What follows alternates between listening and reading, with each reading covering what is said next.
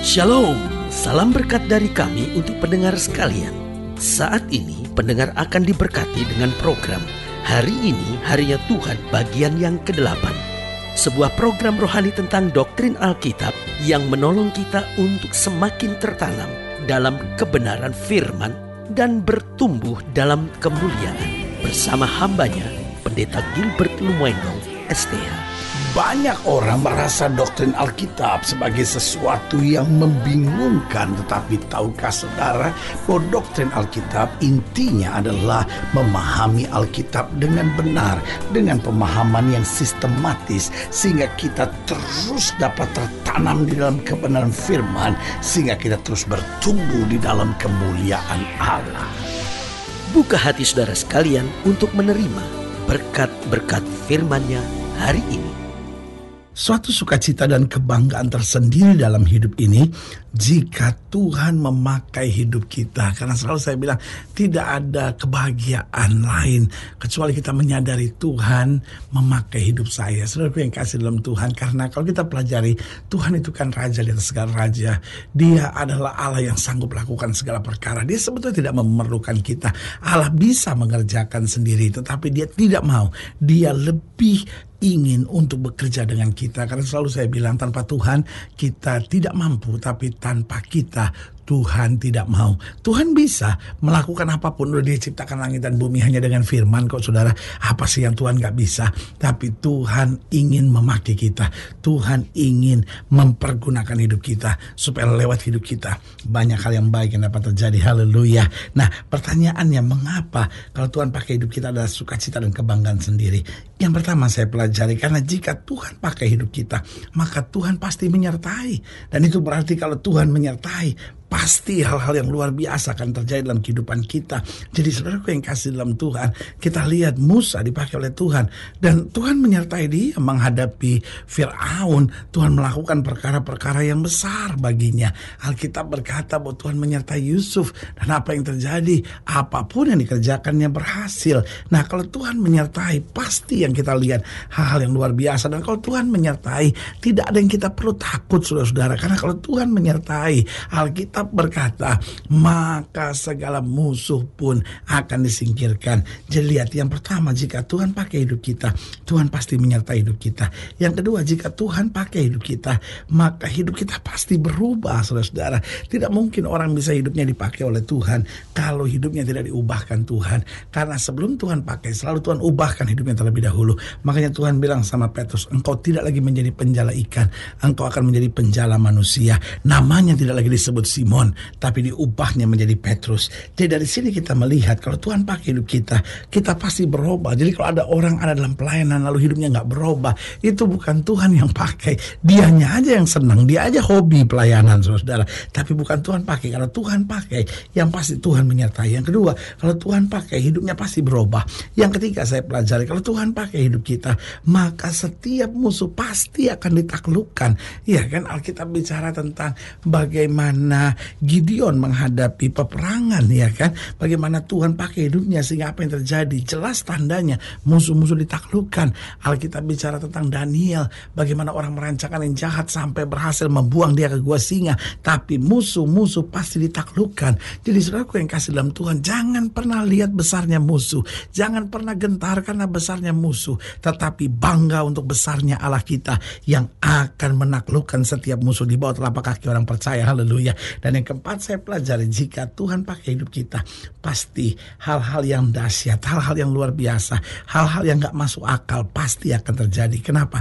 Karena Tuhan yang memakai kita adalah Allah yang dahsyat dan luar biasa. Haleluya. Selamat datang dalam program kita hari ini harinya Tuhan. Sebuah program rohani yang kembali mengingatkan kepada kita betapa pentingnya kita menjadikan firman Tuhan sebagai dasar kesarian hidup kita. Karena selama kita jadikan firman Tuhan sebagai dasar kesarian hidup kita, langkah-langkah langkah ke depan kita penuh dengan kepastian, kemenangan, berkat mujizat dan perkara-perkara besar. Haleluya. Dan dalam program ini kita sedang membahas tentang jika Tuhan memakai seseorang. Wah luar biasa. Karena inilah saatnya kita percaya bahwa Tuhan mau memakai kita. Pertanyaannya, siapa yang dapat dipakai Tuhan? Sebagian berkata, ya mungkin orang-orang suci pendeta mungkin orang-orang yang sempurna pendeta, mungkin orang-orang yang memang khusus dipilih oleh Tuhan. Tetapi hari ini saya akan jawab dengan tegas, siapa yang dapat dipakai Tuhan, yaitu semua orang. Saudara, siapa pun sudah mendengar program ini, saudara juga bisa dipakai oleh Tuhan. Saudara menatap saya dan berkata, pendeta saya orang pensiunan. Jawaban saya sederhana, saudara juga bisa dipakai Tuhan. Saudara menatap saya dan berkata, pendeta saya ibu janda, pendeta. Dan saya sebetulnya bukan bercerai karena meninggal. Saya punya masa lalu yang kelam sehingga akhirnya saya nggak tahan dengan hidup saya dan akhirnya saya bercerai. Dan apakah saya masih bisa dipakai? Tuhan jawaban saya sederhana. Kalau kau mau Tuhan tetap bisa pakai saudara. Saudara menatap saya dan berkata pendeta saya di belakang terali besi pendeta. Saya masuk penjara karena kasus narkoba. Apa saya bisa dipakai Tuhan? Jawaban saya sederhana. Engkau juga bisa dipakai oleh Tuhan kalau engkau mau. Nanti saya jelaskan syarat-syaratnya. Atau mungkin saudara mendengar program ini dan berkata pendeta pendeta, saya ini seorang duda pendeta. Wah, masalah-masalah saya sangat banyak. Bisakah saya dipakai oleh Tuhan? Saya mau bilang saudara bisa juga dipakai oleh Tuhan. Setelah mendengar program ini, saudara berkata pendeta, saya tinggal di panti asuhan pendeta. Saya sebetulnya anak panti asuhan. Mama dan papa saya, saya nggak kenal pendeta. Bisa nggak saya dipakai oleh Tuhan? Sebagai hamba Allah saya bilang hidup kamu juga berharga. Kamu juga bisa dipakai oleh Tuhan. Setelah mendengar program ini berkata pendeta, saya seorang orang banci pendeta, tapi saya mau bertobat, saya mau sungguh-sungguh sama Tuhan. Bisa nggak saya dipakai Tuhan? Jawaban saya sederhana, kalau engkau mau bertobat, engkau juga bisa dipakai oleh Tuhan. Setelah mendengar program ini, sudah berkata pendeta, saya pernah lakukan aborsi pendeta. Orang seperti saya begini sudah dibuang sampah dalam masyarakat. Tuhan juga udah enak lihat tingkah laku saya. Jawaban saya sederhana, berita baik buat saudara, kamu pun bisa dipakai oleh Tuhan. Nah, ini yang kita mau pelajari hari ini. Bahwa jika Tuhan memakai seseorang, hal-hal yang dahsyat akan dikerjakannya. Lihat Hakim-Hakim pasal 12 ayat 8 sampai ayatnya yang ke-15. Hakim-Hakim 12 ayat 8 sampai ayat yang ke-15. Kita belajar di sini. Ada tiga judul perikop ini. Ebzan, Elon dan Abdon ini tiga nama hakim. Dikatakan demikian. Hakim-hakim 13 ayatnya yang ke-8. Sesudah dia, maksudnya sesudah Yefta, maka Ebzan dari Bethlehem memerintah sebagai hakim atas orang Israel. Ia mempunyai 30 anak laki-laki, 30 anaknya perempuan dikawinkannya keluar kaumnya, dan 30 anak perempuan diambilnya dari luar kaumnya. Untuk anak-anaknya lelaki itu ia memerintah atas orang Israel 7 tahun lamanya. Kemudian matilah Ebzan lalu dikuburkan di Bethlehem. Lihat, di ayat-ayat bacaan tidak dituliskan bahwa dia anak imam, tidak dituliskan bahwa masa lalunya hebat, tidak. Tetapi kalau Tuhan pilih, Tuhan dapat perlengkapi. Lihat Elon. Ayat yang ke-11, sesudah dia maka Elon orang Zebulon memerintah sebagai hakim atas orang Israel. Ia memerintah atas orang Israel 10 tahun lamanya. Kemudian matilah Elon, orang Zebulon itu lalu dikuburkan di Ayalon di tanah Zebulon. Lihat, saudara Epsan lahir di Bethlehem. Elon lahir di Sebulon. Ini daerah yang sangat berbeda. Tapi apa yang terjadi kalau Tuhan pakai seseorang, Tuhan nggak mau lihat latar belakang hidup seseorang. Kalau dia mau, dia bisa dipakai Tuhan. Sekarang lihat Abdon. Sesudah dia, maka Abdon bin Hilel, orang Piraton, memerintah sebagai hakim atas orang Israel. Lain lagi, saudara tadi orang Bethlehem, orang Sebulon, sekarang orang Piraton, ayat 14. Ia mempunyai 40 anak laki-laki dan 30 cucu laki-laki yang mengendarai 70 ekor keledai jantan. Ia memerintah atas orang Israel 8 tahun tahun lamanya. Kemudian matilah Abdon bin Hilel, orang Piraton itu. Lalu dikuburkan di Piraton, di tanah Efraim, di pegunungan orang Amalek.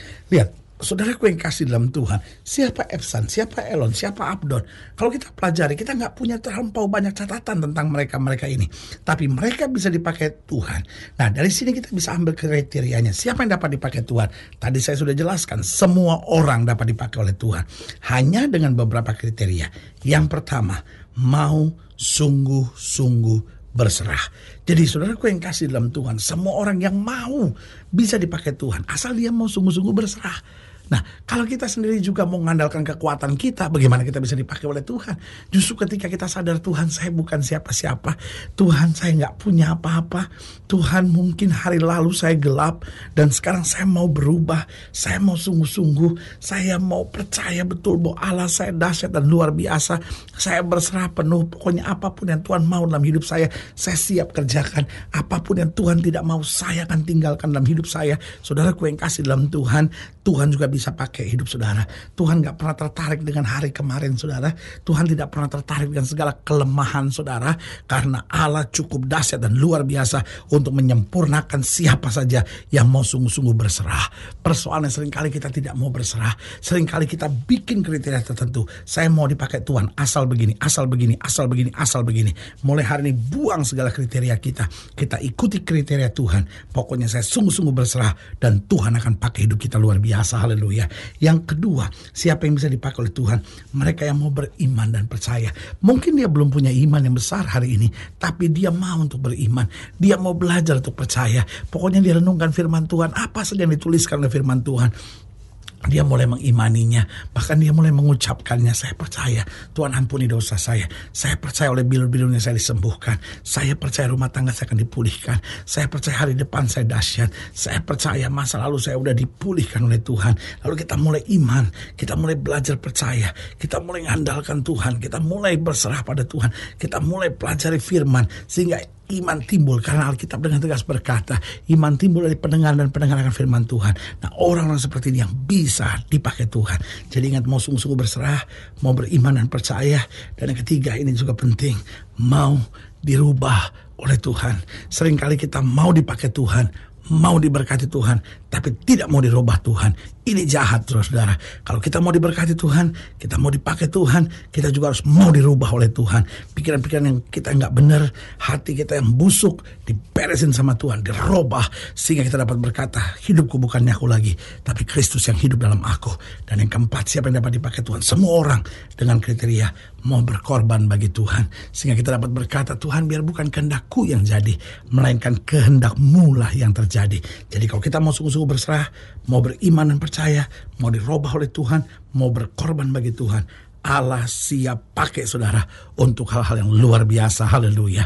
Kalau saudara ingin dilayani lebih jauh, hubungi kami melalui telepon, hubungi kami melalui surat, kunjungi website kami. Karena kami ada untuk membawa Bapak Ibu saudara senantiasa lebih dekat pada Tuhan dan mengalami kasih kuasa mujizat yang luar biasa. Haleluya. Secara khusus melalui program ini juga saya mau berdoa buat setiap saudara yang sakit, setiap saudara yang berbeban berat. Karena saya percaya bahwa bagi Allah tidak ada perkara yang mustahil. Nah saudara-saudara ingin didoakan secara khusus, boleh taruh tangan kanan saudara di dada dan kita akan berdoa. Mari kita berdoa. Bapak dalam nama Yesus hamba doa buat yang sakit, hamba doa buat yang berbeban berat, hamba doa untuk setiap orang yang sedang menghadapi masa-masa yang sukar karena Bapak percaya bahwa bagi Allah tidak ada perkara yang mustahil. Bapak hamba berdoa di dalam nama Yesus Tuhan jamah, bahkan mereka yang taruh tangan kanan di dada karena sekarang rindu dipakai oleh Tuhan, karena mungkin selama ini menyadari jauh dari Tuhan, mau bertobat, mau diberkati, mau dipulihkan, bahkan mau dirubah oleh Tuhan, mau sungguh-sungguh berserah, mau beriman percaya, mau berkorban bagi Tuhan. Bapak hamba doa di dalam nama Yesus Tuhan robah sehingga hidup kami berjalan dalam kehendak Tuhan. Kami boleh dipakai oleh Tuhan dan hidup kami boleh hanya untuk memuliakan Tuhan.